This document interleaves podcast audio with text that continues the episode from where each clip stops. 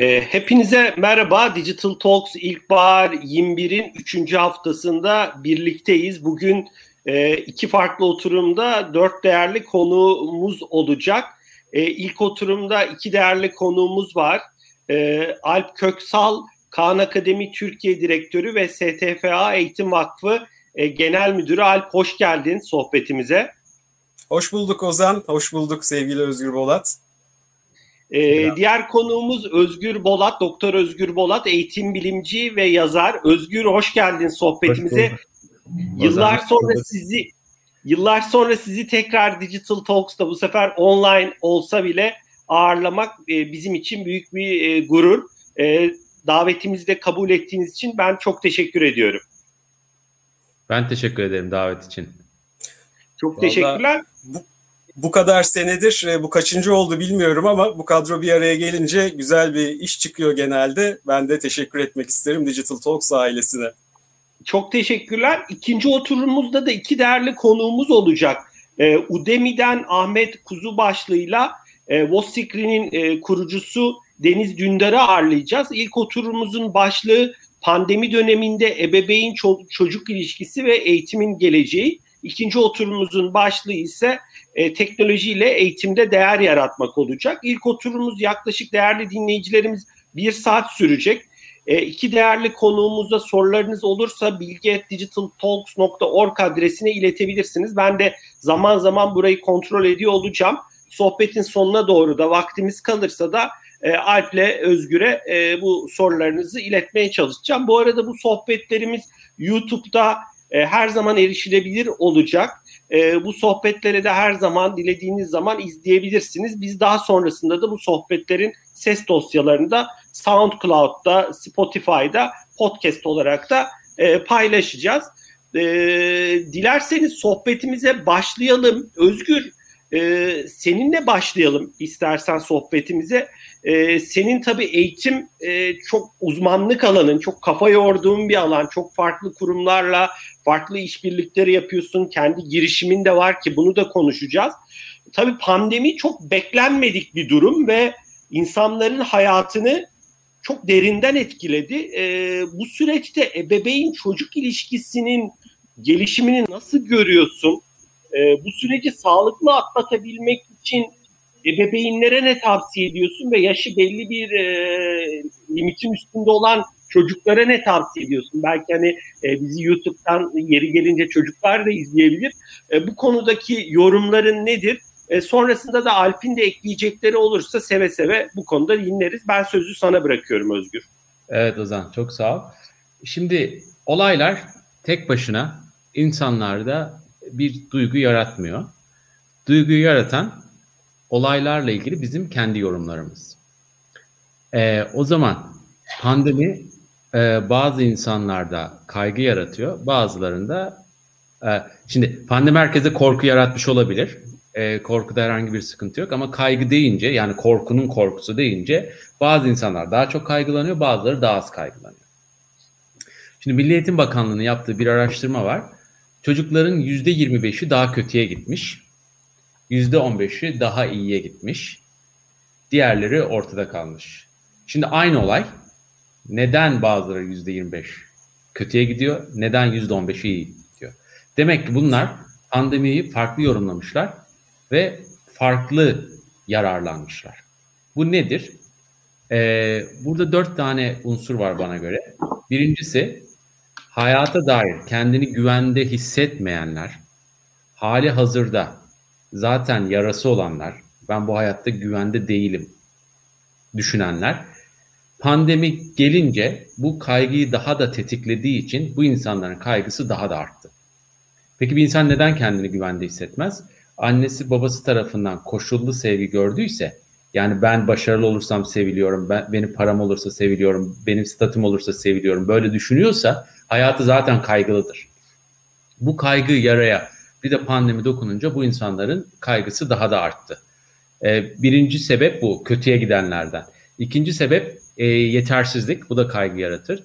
Pandemiye karşı ben kendimi koruyamıyorum inancı varsa e, nasıl araba kullanmayı bilmiyorsak, arabaya e, trafiğe çıktığımızda kaygılanırsak yetersizliğimizden dolayı bu insanların insanların da kaygısı daha arttı. Güvende hissetmemek dedik, yetersizlik dedik. Üçüncüsü belirsizlik. Bir insanın ve çocuğun hayatında ne kadar belirsizlik olursa e, pandeminin belirsizliği de eklenince e, bu insanların kaygısı daha da arttı. Dördüncüsü de e, dördüncüsü de olaylara pesimist bakış açısı. Optimist bakış açısı ne? Mesela ben kendi açımdan söyleyeyim. Tabii dünya için hatta bazıları üçüncü, üçüncü Dünya Savaşı diyor yani. insanlar arasında olmayan insanlarla virüsler arasında olan üçüncü Dünya Savaşı diyor. Ama benim kendi açımdan mesela ben pandemiyi şöyle yorumladım. Pandemi bana ee, çalışma fırsatı sundu. Yani yapmak istediğim bir sürü şey vardı yapamıyordum ama bana bir fırsat sundu. Şimdi anne babalarla konuşuyorum. Ee, bazıları diyor ki ya e, evin içinde delireceğiz. Bazıları diyor ki çocuğumu tanıma fırsatı sundu. Çocuğumla vakit geçirme fırsatı sundu. Çocuğum mesela çocuğum çok iyi bir aşçıymış. Onu keşfetme fırsatım sundu. Çocuğum yeni bir hobiye başladı. Bu fırsatı sundu. Böyle yorumluyor. O zaman o zaman e, pandemiyi e, bir hocam var benim Sevinç Atabay. Onun çok güzel bir sözü var. Pandemi bazı insanlar için karantina oldu, bazıları için kuluçka oldu. O zaman anne babalara ne öneriyorum ben? Ne öneriyorum? E, pandemi dönemini kuluçka dönemi olarak yorumlamak lazım. Bir fırsat olarak yorumlamak lazım. Çocuğumuz güvende hissetmiyor, pardon güvende hissetmiyorsa bunu nasıl e, çözeriz? Sohbet, oyun, ilişkimizi güçlendirerek, etkinlik yaparak çözeriz. Yetersizliği nasıl çözeriz? Çocuğumu somut olarak, soyut değil ama somut. Mesela maskemizi takalım. Soyuttur. Tamam mı? Yani küçük çocuklar için. Ama karabiberi koyarız. Buraya e, karabiber koyarız. Altına geçti mi oğlum? Geçmedi. O zaman böyle yaparsak virüs olsa bile bize geçmez. Ben kendimi savunabilirim inancı verirsem ben çocuğuma yetersizliği böyle çözerim. Ee, üçüncüsü belirsizlik dedim. Belirsizliği nasıl çözerim? Evde rutinler oluşturarak çözerim. Ee, kurallar, düzen, tutarlı davranışlar ve rutinlerle çözerim. Ee, fırsatı nasıl çözerim? Çocuğumla sohbet ederek hadi bakalım değerlendirelim. Ee, biz e, pandemiden önce yapamadığımız ama şimdi yapabildiğimiz neler var? Böyle yorumlayarak çözelim. Anne babalara bu dört konuda düşünce yapılarını değiştirirlerse e, pandemiyi e, kaygısız ya da şöyle diyeyim daha az kaygılı ve ilişkilerini güçlendirmiş şekilde e, ve bir kuluçka süreci olarak e, değerlendirebilirler. Bunu söyleyebilirim kısaca. Çok teşekkürler Özgür e, değerli paylaşımların için. Alp senin burada ekleyeceklerin olur mu? Ben de uzaktan eğitim bakış açısından belki birkaç şey ekleyebilirim. Özgür'ün söylediği her şeye katılıyorum tabii ki son derece doğru. Uzaktan eğitim özeline bakacak olursak ben bu soruya genelde şu şekilde cevap vermeye çalışıyorum.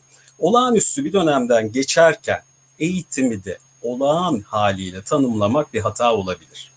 Gerçekçi olalım, basit düşünelim, çocukların hayatını kolaylaştırmaya çalışalım.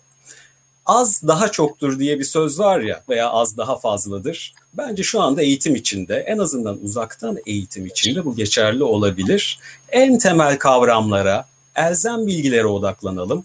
İçinde bulunduğumuz duygu durumunda çocukların öğrenmeye, eğitime küsmemesini bence önceliğimiz yapalım.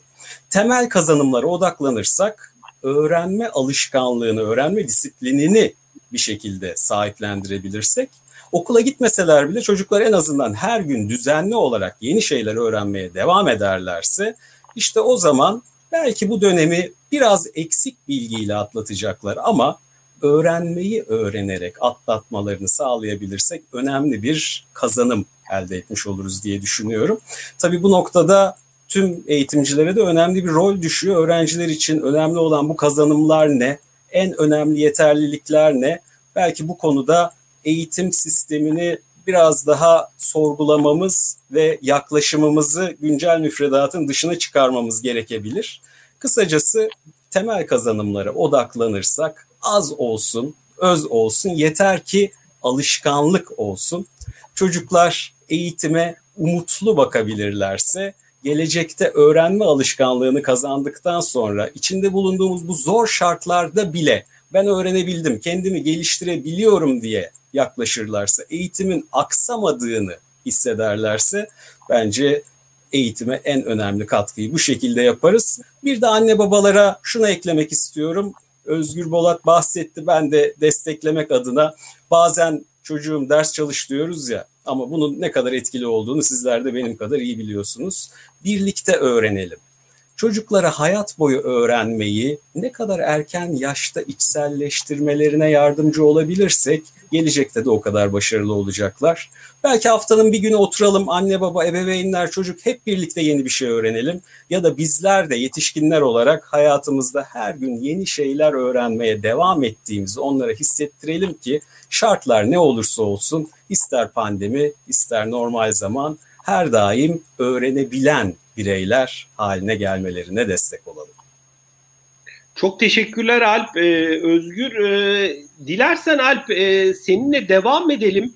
E, Kaan Akademi malum dünyanın e, en önemli ücretsiz eğitim platformlarından bir tanesi. E, biraz Türkiye'deki çalışmalarınız nasıl gidiyor? Globaldeki bu, bu süreçle birlikte trafiğinizde tahminim çok ciddi artışlar gerçekleşmiştir. Türkiye'de ne gibi taleplerle karşılaştınız? E, bildiğim kadarıyla Milli Eğitim Bakanlığı'nın EBA programına da içerik sağlıyorsunuz. Biraz e, sizin dünyanızla ilgili e, bize güncel bilgileri aktarırsan çok sevinirim. Sonrasında da zaten sohbetimize birlikte devam ediyor olacağız. Tabii ki. Şöyle özetlemeye çalışayım sunduğun çerçevedeki bilgileri. Bir kere 2020 yılının Mart ayından itibaren biliyoruz ki pandemi sebebiyle 185 ülkede dünyadaki öğrenci nüfusunun neredeyse yüzde doksanı dönemsel de olsa okullardan uzak kaldı. Eğitim daha önce belki de hiç bu kadar büyük bir kırılım yaşamamıştı. Öyle bir dönemde tam bir sene geriye gidecek olursak biz de Kan Akademi'nin kurucusu Salkan ve Kan Akademi ekibi hepimiz birbirimize baktık ve dedik ki belki de 12 yıldır farkında olmasak da bu platformu böyle bir günde eğitime, öğrencilere, örgün eğitime destek olması için hazırlıyormuşuz. Kan Akademi'nin pandemi döneminde trafiği global olarak bakacak olursak 4 katına kadar arttı. 100 ee, milyon dakika eğitim verdiğimiz günler oldu. 100 milyon öğrenciye eğitim verdiğimiz aylar oldu. Tabii ki bu sürekli değil. Araya yaz tatili girdiğinde düşebiliyor. Ama ortada muazzam bir e, yükseliş olduğunu belki şu veri daha iyi ifade eder. 2019 yılında 50 milyon kayıtlı kullanıcı Kan Akademi'den faydalanıyorken bugün 120 milyondan fazla kullanıcı kayıtlı olarak platformu kullanıyor. Bilmeyenler için şunu da eklemek istiyorum. Kan Akademi kar amacı gütmeyen, herkese açık ve ücretsiz eğitim içeriği yayınlayan bir platform. Dolayısıyla kayıt olmadan da zaten tüm içeriğe erişilebiliyor.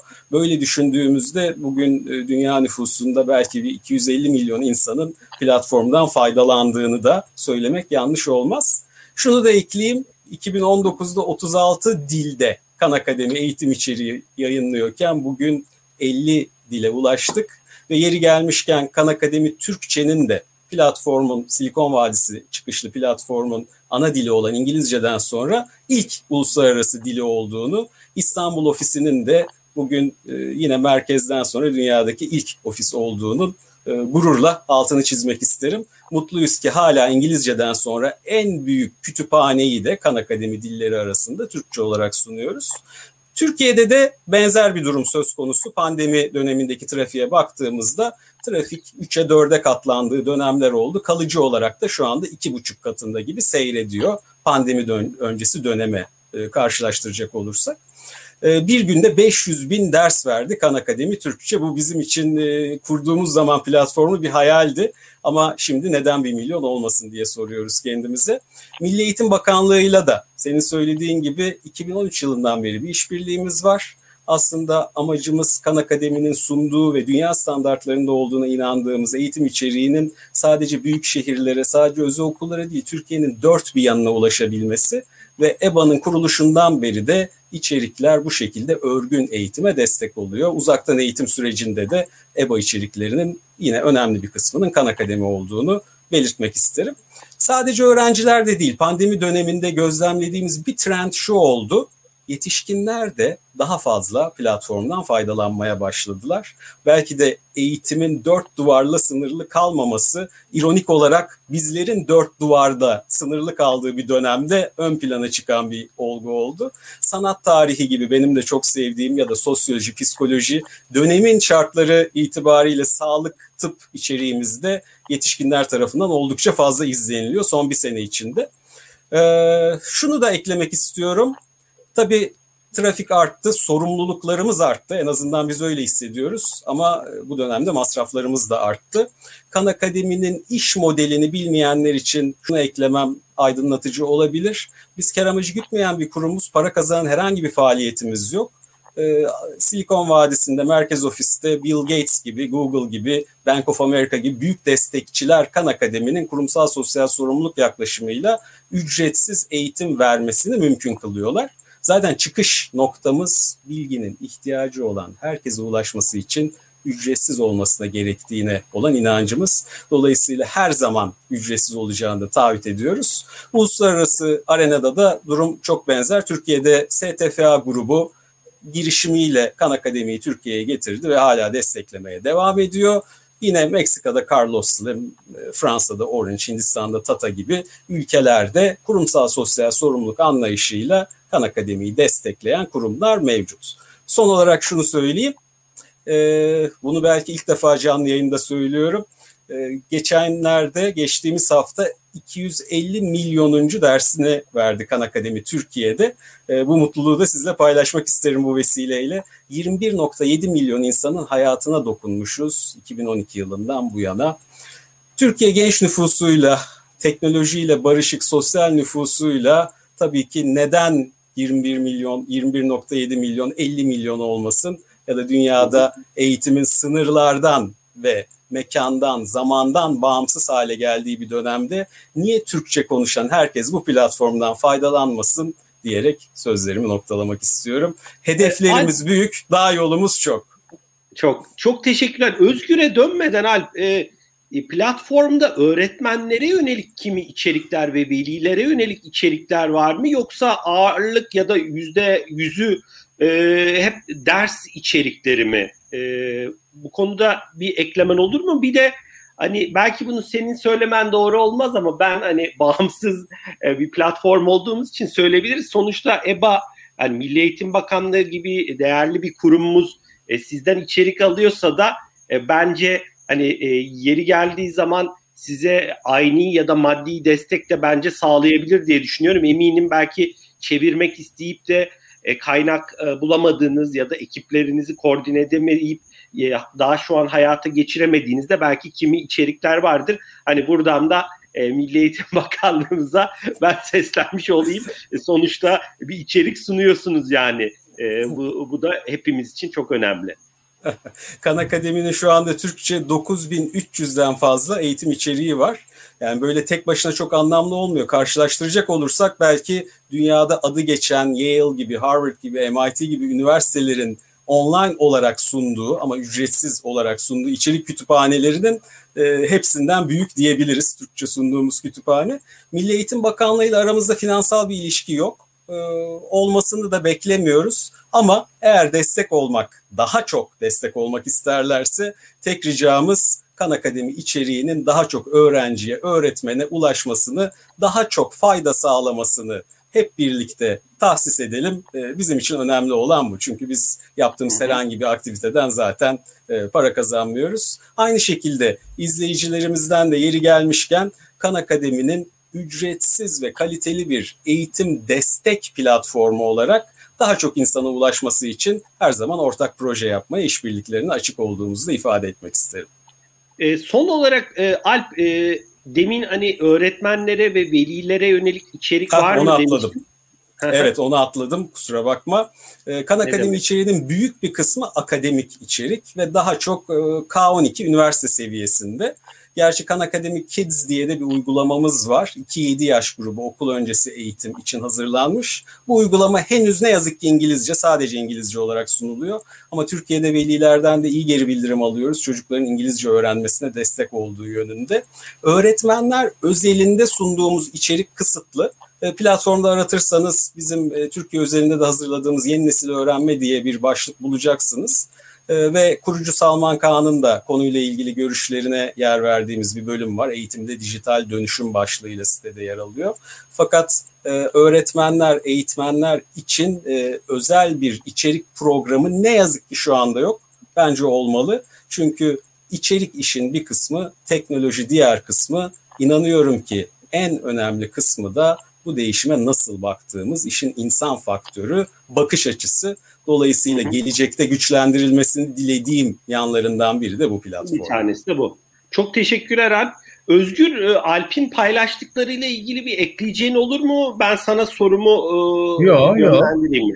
Gayet tamam. net zaten. E, çok e, teşekkürler Alp. E, Özgür, e, senin e, Beni Ödülle Cezalandırma diye bir kitabın çıkmıştı. Hatta biz seni Digital Talks'ta Microsoft'un ofisinde ağırladığımız zaman bir imza e, ne diyeyim imza etkinliği de yapmıştık hatırlıyorum. Ben de o kitabı tabii ki okudum zamanında.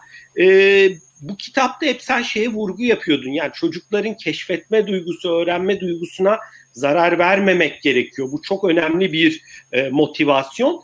Biraz bu pandemi süreci, bu yaşadığımız süreç e, yani sonuçta eskiden neydi? Ekranların başında hep böyle aman çocuğum az süre geçirdi. E, şu an zaten e, dersler online'a döndüğü için e, bazı o hep e, uyguladığımız e, realiteler ya da kurallar anlamını kaybetti. Biraz burada çocukların öğrenme duygusundaki değişimi nasıl görüyorsun? Motivasyonu bunu e, ayakta tutabilmek, güçlendirebilmek için velilere, ebeveynlere ne tavsiye ediyorsun? Bu konudaki değerli yorumlarını alabilirsek çok sevinirim. Ben sözü sana bırakıyorum.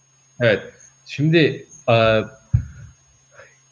e, hatta geçen gün bir e, bir araştırma okudum tekrar. E, bu ters yüz sınıflarla ilgili. E, ters yüz sınıflardan yararlanan öğrencilerin en büyük özelliklerinden bir tanesi e, otokontrollerin yani self-regulation yüksek olması. Hatta e, işte 2-3 tane araştırmacı bunu öğrenciye bırakmamak için kendi sistemlerinin içinde çocukların kendilerini regüle edecekleri bir yapı da koymuş. E, bir çocuğun otokontrolü ne kadar yüksekse online eğitimden aldığı e, verim o kadar artıyor. İkincisi de e, okulda olmadığı için çocuklar e, kendilerini e, regüle etmeleri gerekiyor. Tamam. Bir de kendi öğrenmelerinin sorumluluğunu alması gerekiyor. Bu da iç motivasyon. E şimdi bizim çocuklarda, bizim okullarda e, daha çok iç motivasyondan ziyade dış motivasyon olduğu için yine bizim okullarda özellikten ziyade kontrol olduğu için bizim çocuklarda otokontrol de zayıf, iş motivasyonu da zayıf. O zaman ne oldu? Bizim çocuklar bayağı zorlandı bu süreçte. E, kendilerini, kendi öğrenmelerinin sorumluluğunu alamadı ve regüle edemediler. E, zorlandılar ama istesek de istemesek de bu süreç onlara e, biraz otokontrolü öğretmiş oldu. İş motivasyonu belki çok öğretemedi ama otokontrolü öğretmiş oldu birazcık. Bu anlamda da e, yine e, bu olay olumsuz olsa da buradan bir fırsat e, e, bir fırsat şey oluyor. Ha, Dinliyorum tamam. abi. Dinliyorum abi. Yok e, Özgür gayet her şey yolunda abi. Tamam. E, fırsat oldu. Şimdi o zaman anne babalara ne önereceğiz bu süreçte? E, iç motivasyon nasıl arttırılır? Şimdi dış motivasyon ne, iç motivasyon ne onu anlamamız lazım. Hemen kısacık bahsedeyim. Motive, motivasyon ne demek? İnsanı harekete getiren, geçiren enerji ve yön, hem enerji var hem yön kısmı var. Ee, o zaman ben aslında mesela 20 tane öğrenci diyelim. 20'si de ödevini yaptı. Bir öğretmen olarak mutlu olmalı mıyım? Aa 20 öğrencim de ödevini yaptı diye mutlu olmalı mıyım? Hayır. Neden mutlu olmamalıyım? Çünkü ben çocukların ödev yapmasını istemiyorum. Ben çocukların iç motivasyonla ödev yapmasını istiyorum. Çünkü dış motivasyonla ödev yaparlarsa ne olur? Ben ödev vermezsem çalışmazlar. İçeride ilgi ve merakın olması lazım. İç motivasyon, dış motivasyon türlerinden bahsedeyim. Dış motivasyonda ne var? Birinci sırada en altta ee, itaat edilen dış motivasyon diyorum ben. Yani ben diyorum derken literatürde bu var ama Türkçe'ye ben öyle çevirdim. Ee, Edward Deci e, ve Richard Ryan kitabımda da bunlardan uzun uzun bahsettim. Ee, itaat edilen motivasyon. Onda ne var? Ödül ceza. Hiç istemediğimiz bir şey. O zaman ödül ve ceza yoksa çocuk çalışmıyorsa yani ödül ceza ile iş yapan çocuk ödül ceza ortadan kalkınca çalışmaz. Bunu istemiyoruz. Ee, bir üstünde e, yutulan motivasyon. E, yutulan motivasyon ne demek? Çocuk ödevini yapıyor ama e, kaygısını yenmek için ya da utanç utancını yenmek için yapıyor. Ben diyor ödevimi yapmazsam rezil olacağım. E, bu dışarı içeriden geliyormuş gibi görünüyor ama dışarıdan gelen. Sonra özdeşleştirilmiş motivasyon var. E, hedef olarak yapmak. Niye ödevini yapıyorsun? Ödevimi yapıyorum çünkü iyi not alacağım. Çünkü üniversiteye gireceğim. E, bu da iç motivasyon gibi görünüyor ama dış motivasyon. Neden dış motivasyon? Çünkü e, kendisinin dışında bir şeye bağlı. Bir de kimlikleştirilmiş dış motivasyon var. Neden ödevini yapıyorsun? Benim gibi bir öğrenci ödevini yapar diyorum. Ben çalışkan bir öğrenci. Bu da iç motivasyona yakın ama dış motivasyon. Neden? Çünkü ödev vermezsen yapmaz çocuk. İç motivasyonda ne var? İlgi, merak, değerler var. O zaman anne baba olarak ödevini yaptın mı? Biraz önce Alp çok güzel söyledi. Ödevini yaptın mı sorusu kontrol sorusudur. Tamam ben neyle ilgileniyorum? Ödevini yapıp yapmamanla ilgileniyorum. Ama bu ödevle ne öğreniyorsun? Bununla beraber nasıl öğreniriz dediğim zaman odak noktam ne? Öğrenme. Hadi beraber öğrenelim diyoruz. O zaman öğrenmeyi de e, öğrenmeyi de mesela Birinci Dünya Savaşı'ndan gidersek Birinci Dünya Savaşı'nın sebepleri ne, sonuçları ne? Bu öğrenme değil. Bu ezber yani bilme. Öğrenmede ne vardır? Kavramsallaştırma vardır. E, toplumlar neden savaşır? E, bunun sebebi e, keşfettikten sonra hayvanlar arasındaki savaşla bundan mı kaynaklanır? Çatışma. İnsanlar arasındaki çatışma. İnsanın kendi içinde savaşlar var mıdır? Aynı gerekçeden midir? Bu neden dünya savaşıdır? E, e, tarihçiler neden buna dünya savaşı demiş? Bu neden birinci? Tarihte başka yok mu? Şimdi kav, kavramsallaştırdığınız zaman o zaman ne oluyor?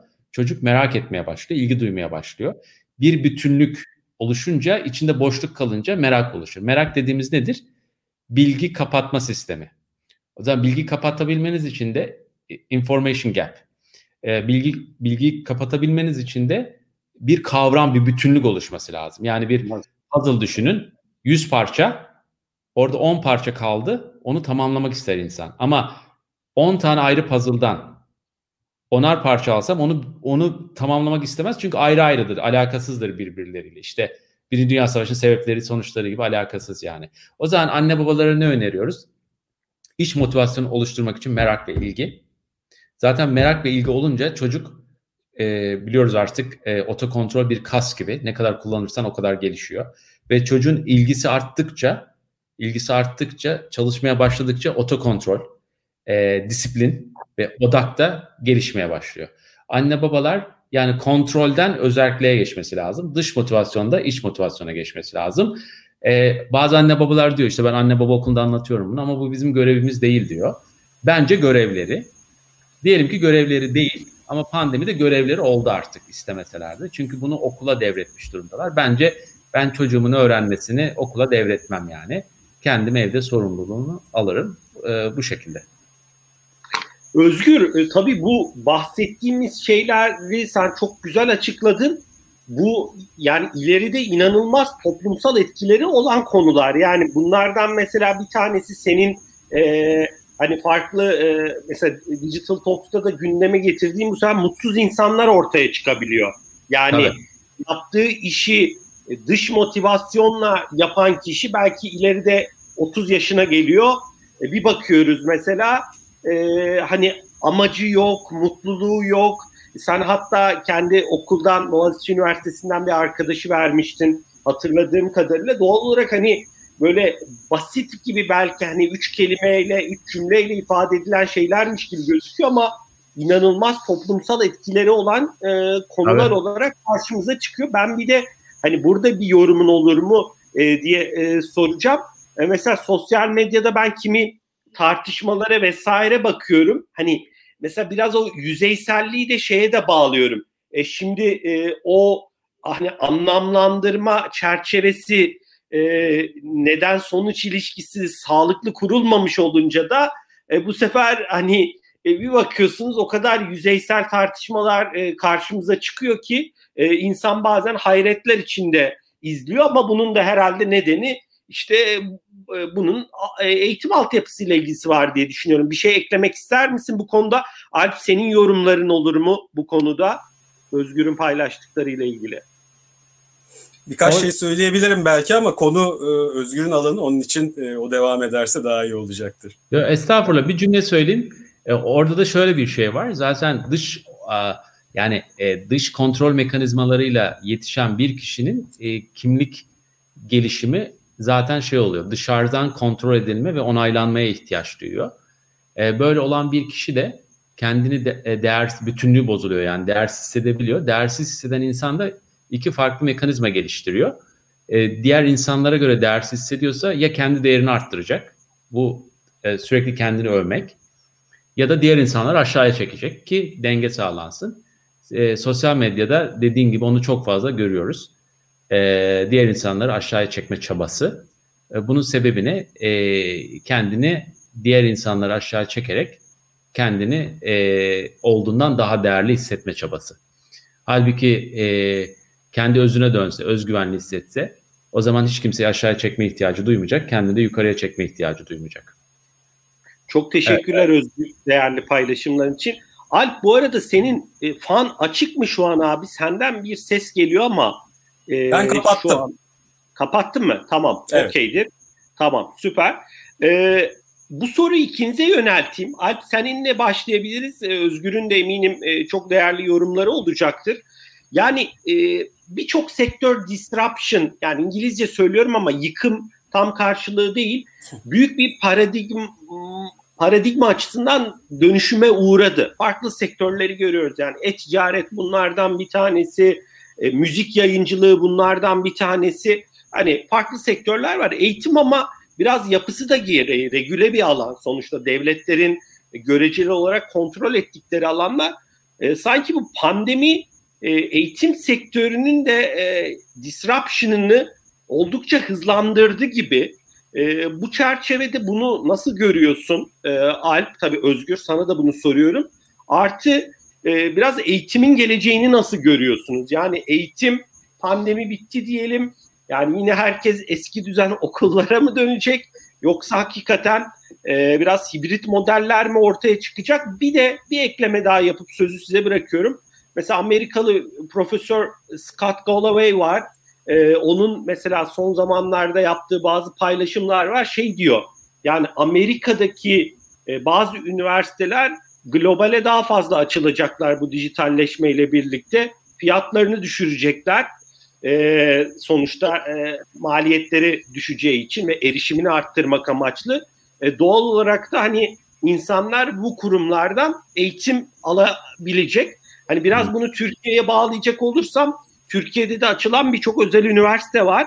Yani bir anlamda rekabet e, çok farklı bir boyuta gelebilir e, yorumu var. Bir de tabii o big tech'lerin yani Apple gibi, Google gibi inanılmaz cebinde e, kasalarında para olan şirketlerin de e, yeni alanlara yatırım yapma motivasyonu dolayısıyla burada bazı üniversitelerle ciddi işbirlikleri yapacağı ve bunun da eğitimi şekillendireceğine yönelik yorumları da var.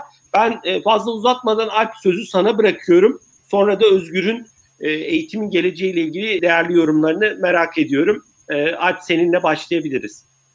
Ben genel bir giriş yapacağım o zaman. Bugün tüm dünyada eğitim alanında bir reform yaşıyoruz. Bu bir gerçek. 21. yüzyılın dünyamıza kazandırdığı yeni teknolojilerden iletişim ve bilişim teknolojilerinden en fazla fayda sağlayacak alanlardan birinin eğitim olduğuna inanıyorum. Eğitimde dijital dönüşüm diyoruz. Bu dönüşümü belki şu şekilde tanımlamak kısaca mümkün. Eğitim artık zamandan ve mekandan bağımsız, kişiye özel ve veriye dayalı bir deneyime dönüşüyor. Bugün bilgi geçmişe göre çok daha özgür şekilde paylaşılıyor ama önemli olan doğru bilgiye güvenilir kaynaktan ihtiyaç anında en hızlı şekilde ulaşabilmeyi öğrenmek ve öğrencilere de bunu öğretmek, kazandırmak. Eğer bunu başarırsak o zaman sadece bugün var olan bilgiye değil, gelecekte var olacak bilgiye de nasıl ulaşabileceklerini öğrenmiş olurlar. Tam da bir önceki soruda konuştuğumuz merak ve ilgi işte burada aslında devreye giriyor. Çünkü öğrenmeyi bir keşfetme olarak tanımlarsak çocuğun merak ve ilgisi olduğu takdirde şu anda tabii ki internet bağlantısı da olması lazım ama e, pek çok bilgi kaynağına erişimi olan bir dünyada yaşıyoruz. Aslında bugün eğitimde yaşanan bu büyük kırılmayı, eğitimdeki değişimin ne kadar önemli olduğunu görmek için belki de eğitimin ne kadar uzun süredir değişime karşı direndiğine bakmak işimizi kolaylaştırabilir. Bir öğretmen tahtada ders anlatıyor, öğrenciler not tutuyor, sınavlar yapılıyor. Öğrencilerin bu bilgilerin ne kadarını öğrenip öğrenmediğini tespit ediyoruz. Senenin sonu geliyor, geçer not alanlar bir sonraki sene e, daha zor konuları öğrenmeye devam ediyorlar. Fakat bu sistemde önemli bir eksik var çünkü öğrencilerin eksik bilgilerini tespit etmemize rağmen telafi etmek için bir şey yapmıyoruz. Ve öğrenme her zaman sınıfın ortalama hızında devam ediyor. Halbuki her öğrencinin kendine en uygun hızda öğrenmesi gerekir ve bugün teknoloji sayesinde bunu yapmamızın mümkün olduğunu düşünüyorum. Bu yaklaşım geleneksel eğitim modeli olarak da anılan yaklaşım işin acı yanı artık bugün var olmayan bir ülkeden bize miras kaldı. 18. yüzyıl Avrupa'sında Prusya'da doğan bu model endüstri devriminin, sanayi devriminin ihtiyaç duyduğu standartize yeteneklere sahip bir iş gücü yetiştirmek için ortaya çıktı. E bugün yapay zekayı konuşuyoruz. Otomasyon her geçen gün daha fazla işi insanların elinden alıyor. Böyle bir dünyada bizim standartize yeteneklere değil, alanında fark yaratabilen, yaratıcılık gibi, işbirliği gibi, iletişim gibi, farkındalık gibi sosyal becerilere sahip olan problemleri çok disiplinli ve disiplinler arası bir yaklaşımla çözebilen gençler yetiştirmeye ihtiyacımız var. Yani makinelerin tam tersi yöne gitmeliyiz diye düşünüyorum. Ve bunlar aslında yeni şeyler değil. 10 senedir biraz önce söylediğim her şeyi konuşuyoruz. Önemli olansa bugün pandemiden e, dolayı 10 senedir konuşulan şeyler belki de birkaç ayda tüm dünyada 10 kat daha fazla görünür, anlaşılır hale geldi.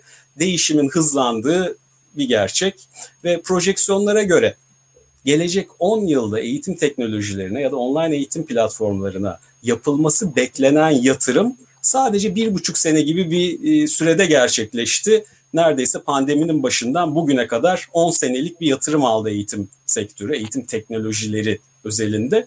Önemli olansa bence şu, teknoloji her zaman hayatımızı kolaylaştıracak diye bir şey yok. Önemli olan teknolojiyi insan odaklı kullanabilmek.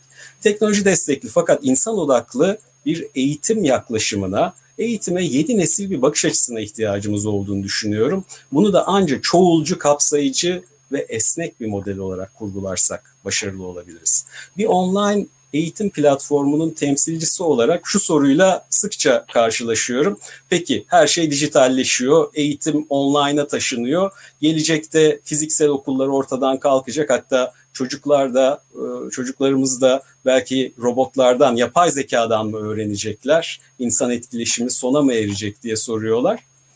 Dediğim gibi bir dijital platformun temsilcisi de olsam ben şuna inanıyorum ve bunu pandemiden önce de hatta daha önceki Digital Talks oturumlarında da söylemeye çalıştım. Bence yaşayarak göreceğiz ama biz insanlar sosyal canlılarız. Dolayısıyla paylaştıkça, tartıştıkça, etkileşim içinde olduğumuz ortamlarda bilgimizi beceriye, deneyime dönüştürmek için çok daha fazla şansımız oluyor.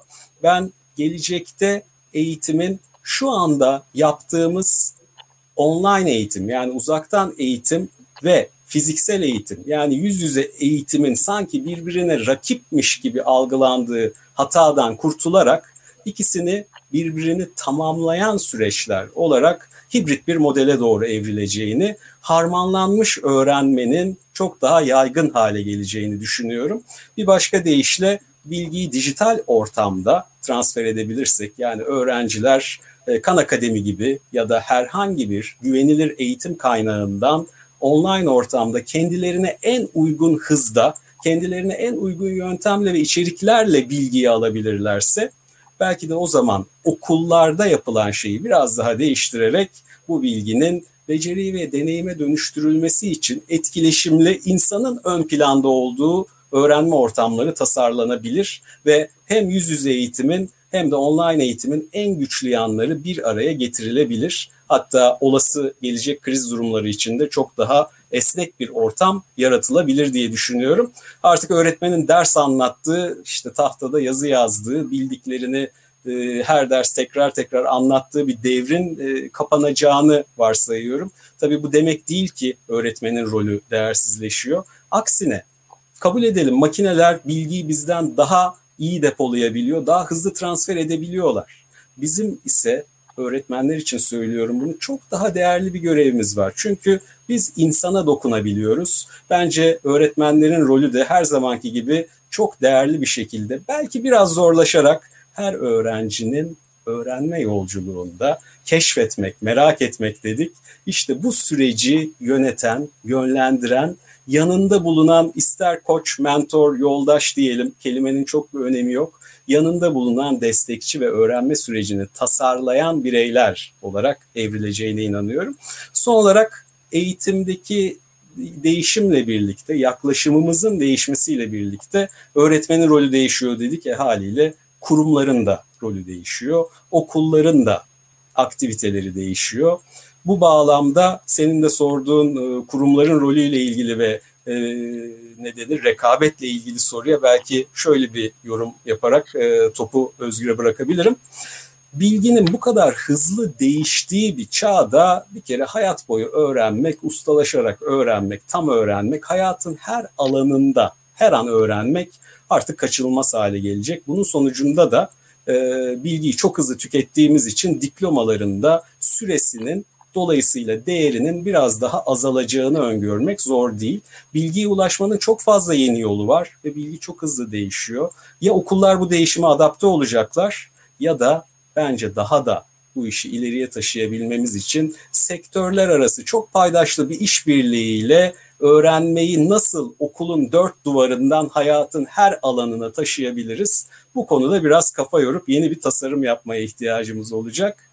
Rekabet kesinlikle geçmişten fazla olacak gibi görünüyor. Çünkü artık fiziksel ve dijital ortamın da rekabeti hayatımıza girmeye başladı. Fakat ben şahsen eğitim söz konusu olduğunda rekabet değil, işbirliğinin geleceğin eğitim dünyasını şekillendireceğine inanıyorum. Çok teşekkürler Alp. Özgür, e, tabii çok geniş bir konu. Senin yorumların olur mu? Belki ekleyeceklerin olur mu? Ne dersin? Sana tabii sonra başka bir soru yönlendireceğim.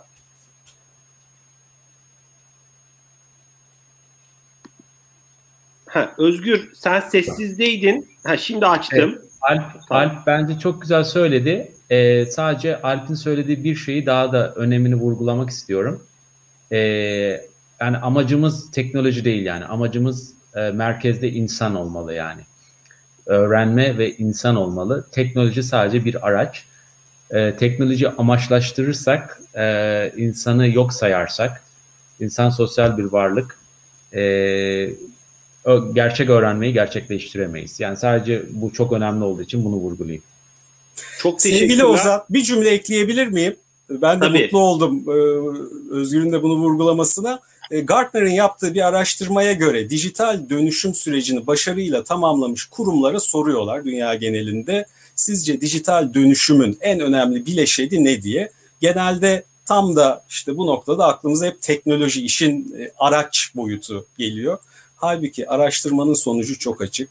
İşin yüzde yetmişi insan faktörü ve bakış açımız, mentaliteyle ilgili. Dolayısıyla ben de bir kez daha vurgulamak adına teknoloji yüzde onluk öneme sahipken biz insanın süreçe bakış açısını yöneterek veya insan odaklı bir süreç tasarlayarak yüzde yetmişlik başarıyı elde etme şansına sahip oluyoruz.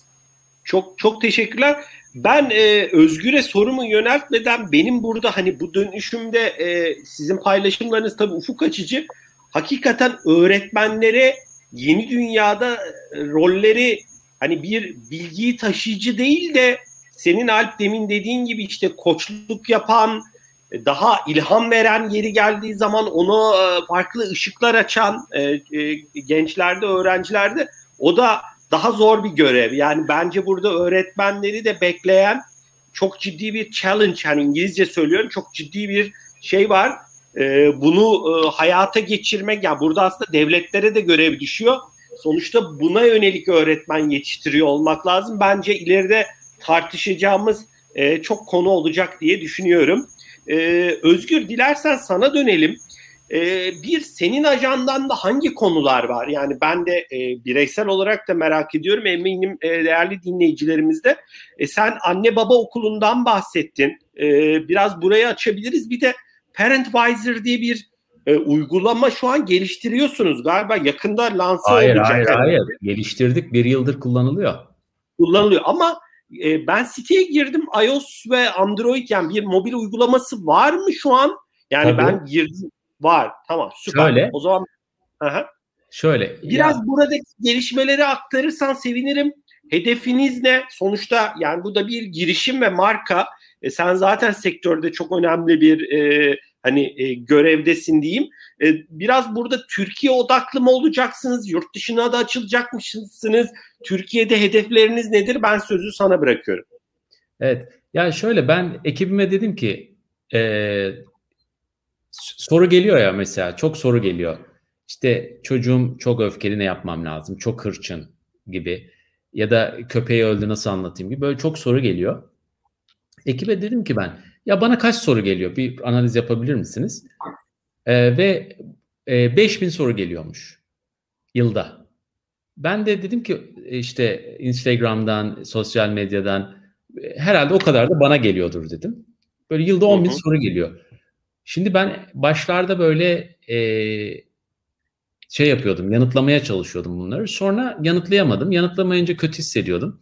Sonra o o hissimi de yendim. Çünkü böyle suçlu hissediyorsunuz. Hı hı. Ee, sonra dedim ki ya ben bir uygulama yapayım. Bu anne babaların dedim soruları zaten 20 konu etrafında şey yapıyor. Yani 20 konu oluyor genelde. %80'i. Sonra işte çalıştığım okulların e, rehber öğretmenlerinden rica ettim. Yöneticilerinden rica ettim. Veliler size en çok hangi soruyu soruyor? Okulda hangi sorunları yaşıyorsunuz? Sonra bu soruları çıkardık hepsini. Ee, örneğin çocuğum hırçın. Sonra ekip 17 kişilik bir ekibiz biz. Hırçınlıkla ilgili literatürde, bilimsel literatürde ne varsa araştırdık. Araştırıyoruz mesela bir tane konu. Sonra ekip bakış açısını ekliyor. En, sonunda da ben bakış açımı ekliyorum. Buraya katılıyoruz. Zaten literatür birbirleriyle çelişen çok şey var. Ee, orada e, bizim düşüncemiz ne? Çerçeve oluşturduktan sonra bunu bilimsel literatürle destekliyoruz. Sonra ben dedim ki bunu bir app yapayım ama app dünyasına girince bunun o kadar kolay olmadığını gördüm. Çünkü sadece oraya koymak olmuyor. Yani e, Alp biraz önce söyledi kişiselleştirmen lazım, yaşa göre kişiselleştirmen lazım, anneye göre, babaya göre. Sonra o zaman dedik ki anket koyalım biz. Ve buraya bir sürü anket koyduk. Anne babalar kendini tanısın diye. Sonra soru temelli gittik. E, aşağı yukarı şu anda yani işte şeyden tut da boşanmadan, hırçınlıktan, cep telefonu kullanımından bir sürü konu var.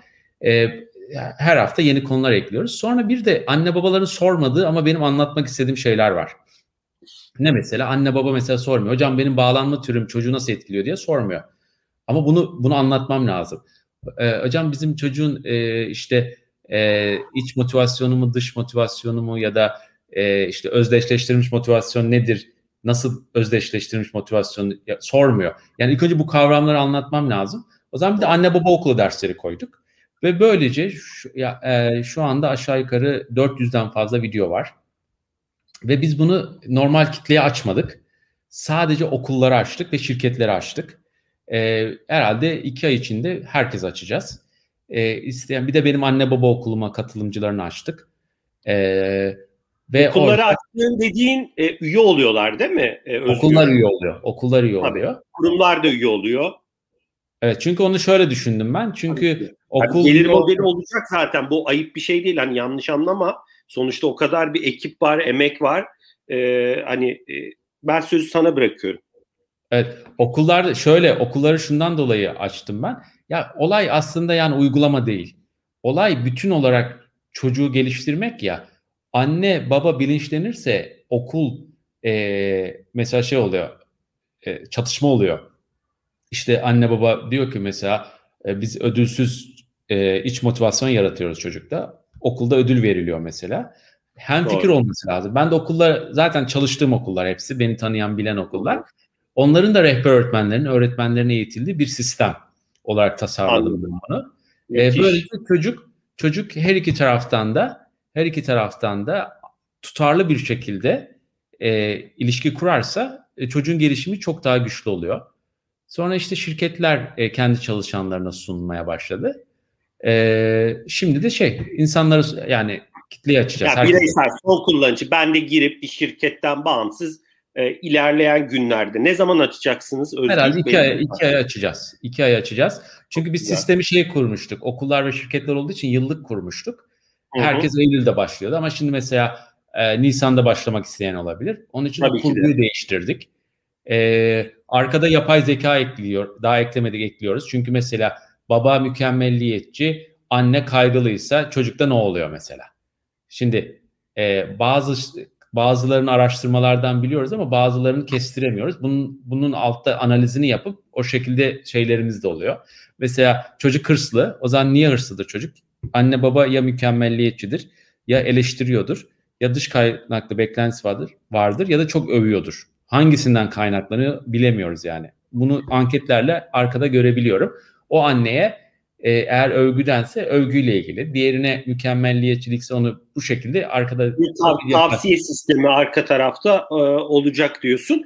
E, fiyat vesaire özgür belli mi hani e, yoksa e, hani ilerleyen günlerde zaten açıklayacak Valla belli belli belli. E, tamam. Şöyle merak e, tahmin et bir kişi yıllık yıllık e, bu 400 videoya erişecek değil mi? Anket şey evet. Anket vesaire bir kişi yıllık. Yani bence düşünüyorum hani şimdi şeyde olmayayım ama ya ben böyle bir şeye yıllık bin lira falan minimum öderdim çünkü hayatını etkiliyor çocuğun. Daha fazla da olabilir bilmiyorum yani. Evet. evet yani ama... Netflix aboneliğinden farklı bir şey bu. Evet. E, biz araştırma yaptık. Herkes 1000-1500 e, falan dedi Hı-hı. yıllık. E, ama e, 110 TL yıllık. Yıllık. Yıllık 110 İnanılmaz. TL. İnanılmaz. İnanılmaz. Evet, onun, benim oradaki e, şöyle e, 220 TL ama iki kişiye veriyoruz. Anne babaya da veriyoruz. 110 TL. O da aylık 9 TL. Mesela bir gün kahve içmezlerse e, İnanılmaz. Yani kahve onun için ben oradaki temel amacım benim e, hem ekibi döndürmem lazım hem de e, kitlelere ulaşmam lazım. Onun için çok çok ucuz tuttuk. Ee, Bizi de e, özgür takip eden beyaz yakalı e, dostlarımız var. Hani bu etkinliği de izleyecekler. E, siz lanse ettiğiniz zaman yani açtığınız zaman muhakkak Digital Talks'ta da haberini çıkarız. E, bence hani burada e, senin dediğin gibi anne babaya da çok çok büyük görev düşüyor ki e, hani daha doğru şekilde yeni nesiller yetişsin e, ve ülkenin geleceği daha aydınlık olsun. O yüzden yaptığınız e, bu çalışmayı hani e, büyük bir merakla takip edeceğim. Çok çok güzel çalışma tabii. Kaan Akademi'yi zaten hani Alp Bir şey söyleyeceğim o zaman. Mesela Kaan Akademi gibi benim destekçilerim olsa ben de bunu açarım ücretsiz tamamen. Buradan belki seni duyan değişik markalar evet. belki bu işbirliği konusunda da hani sana ulaşacaklardır. Bize ulaşırlarsa da biz sana seve seve yönlendiririz. E, bence hani e, ya umarım istediğiniz gibi gider Özgür. Bu arada açıdan... hı hı. bu arada e, memnuniyet e, yararlı bulma, kendisine yararlı bulma yüzde 97 kullananlardan. Yüzde 97. E, çok güzel. Çok, çok güzel orada bir araştırma yaptık. Hem e, sözel e, şeyler aldık. E, geri bildirimler hem de sayısal geri bildirimler aldık. E, ne kadar yararlı buldunuz? Yüzde 97. Ne kadar tavsiye yani tavsiye edersiniz, yararlı buldunuz. Bunlar hep yüzde 95 üzeri yani. O da bizi çok mutlu ediyor tabii. Süper. E, bu arada 6-7 dakikamız kaldı hani sohbetimizi sonlandırmak için. Dilerseniz son kapanışı e, hani şu e, soru çerçevesinde yapabiliriz. E, malum hani büyük dönüşümü sizler de vurguladınız. Bu hepimizin hayatında bir gerçek. E, bu noktada hani Alp senin ne istersen başlayalım sonra Özgür'e e, yöneltelim. E, ya son olarak eğitimcilere, öğretmenlere yani eğitim kurumu yöneticilerine, öğretmenlere, ebeveynlere ve hani yaşı uygun olan belki bizi izleyecek olan öğrencilere, gençlere hani son tavsiyelerin ne olur? Alp ne dersin? Sonra da Özgür'ün yorumlarıyla e, bu keyifli sohbeti ilerleyen dakikalarda sonlandırabiliriz. Evet sürenin sonuna gelmişiz. Ee, sohbet keyifli olunca zaman çabuk geçiyor. Ee, söyleyecek aslında çok fazla böyle özet e, şey yok. Geniş bir çerçevede konuştuk. Ben tekrar şunun altını çizmek istiyorum. Ee, Özgür'ün de ilk başta söylediği gibi içinde bulunduğumuz kriz ortamını bile bir fırsat olarak değerlendirmek aslında doğru bakış açısıyla mümkün. En zor şartlarda eğitimi sürekliliğini sağlayabilir, devam ettirebilirsek bence çocukların da bu değişim döneminde dünyaya biraz daha farklı baklama, bakmalarını sağlayabilecek bir fırsat yaratabiliriz. Hayat boyu öğrenmenin altını çizmek istiyorum. O zaman öğrenme sürecini, keşfetme sürecini e, tüm e, diğer bileşenlerden bağımsız bir seviyeye çekebiliriz. Eğitim konusunda belki teknolojiyi her daim insan odaklı kullanmamız gerektiğini de bir kere daha vurgulayarak eğitimcilere seslenebilirim. Öğretmenlerin rolü e, değişiyor ve gerçekten hiçbir zaman kolay değildi. Ne yazık ki gelecekte de çok kolay olacakmış gibi görünmüyor. Çünkü bilgi aktarmak işin e, ilk aklımıza gelen kısmı olsa da işin kolay kısmı ama önemli olan artık biraz daha eğitim tasarımı yapmak, öğrencinin yanında onu yönlendiren birey olmak. Bazen şuna benzetiyorum. Eskiden öğrenciler e, bir servise biniyordu, öğretmen direksiyona geçiyordu ve bir noktadan diğerine öğretmen öğrencileri taşıyordu. E şimdi kişiselleştirilmiş öğrenmenin bu kadar yaygın olduğu bir dönemde aslında her öğrencinin biz kendi yolculuğuna çıkmasını, kendi istediği alanları keşfetmesini, kendi istediği yollardan gitmesini bekliyoruz. Dolayısıyla hepsi artık sürücü koltuğundalar.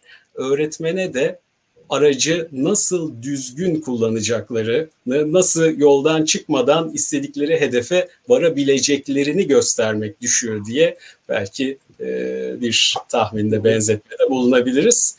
Evet ben e, sanırım Çok söyleyeceklerim bugün için bunlar. Teşekkür ediyorum.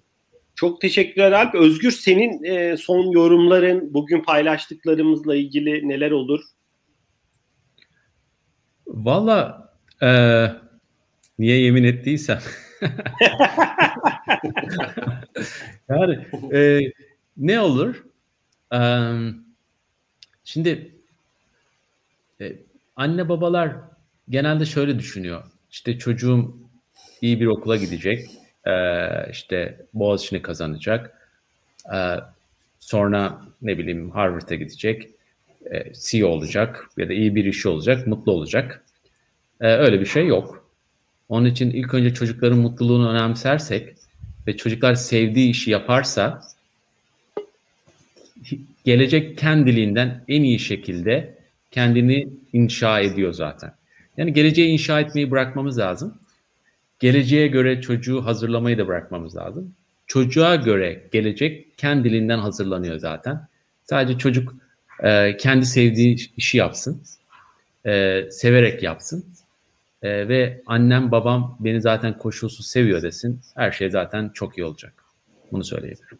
Çok çok teşekkürler Özgür. Hani e, çocuğu geleceğe hazırlamak değil, zaten e, çocuk geleceğe kendi hazırlanacaktır. Kendisi e, kendi pozisyonunu alacaktır ve sevdiği işi yapsın diyorsun. Bence çok evet. ilham vericiydi. E, ben ikinize de çok teşekkür ediyorum. Değerli dinleyicilerimiz bugün iki değerli konuğumuz vardı ilk oturumumuzda. Kaan Akademi Türkiye Direktörü Alp Köksal ile e, eğitim bilimci yazar ve Parentwiser'ın da e, kurucusu diyebiliriz. Doktor Özgür Bolat. E, Parentwiser'ı da ben de aynı şekilde Kaan Akademi'yi de eğer incelemeyen değerli dinleyicilerimiz varsa incelemelerini çok tavsiye ederim. Ben çok teşekkür ediyorum değerli paylaşımlarınız için Özgür Alp. E, bu arada ikinci oturumumuzda Deniz'le e, Vosikri'nin kurucusu e, Udemy'den Ahmet bizlerle birlikte olacak. Arka planda ben görüyorum. Müsaadenizle onları da ekleyeyim. Hani sizlere de bir merhaba desinler. Sonra sizleri ben yayından alırım müsaadenizle. Evet Ahmet'le e, Deniz'i de ben yayına ekledim. E, eminim onlar da sohbeti e, YouTube'dan izlemişlerdir bir kısmını diye tahmin ediyorum. Alp, e, Özgür çok teşekkür ediyoruz değerli paylaşımlarınız için. Ben teşekkür ederim. Deniz, e, Ahmet selam sizlere Merhaba, de. merhaba. Çok memnun oldum. Evet Deniz Ahmet. Merhabalar. Çok keyifle dinledik. Alp, Çok hoş geldiniz. Ö- öğrenmenin her yerde olduğunun güzel bir temsilini görüyoruz galiba şu anda. Deniz açık havadan bağlanıyor. Bizim maalesef şu anda yapamadığımız bir, şey. Evet çok teşekkürler. Programa katılmak harikaydı Ozan ve sevgili Digital Talks ekibi. Tekrar görüşmek dileğiyle. Çok teşekkürler. Eminim keyifli sohbet devam çok edecek. teşekkürler Özgür. Ben müsaadenizle sizi üzere. alıyorum. Tabii. Bay bay. Bay bay.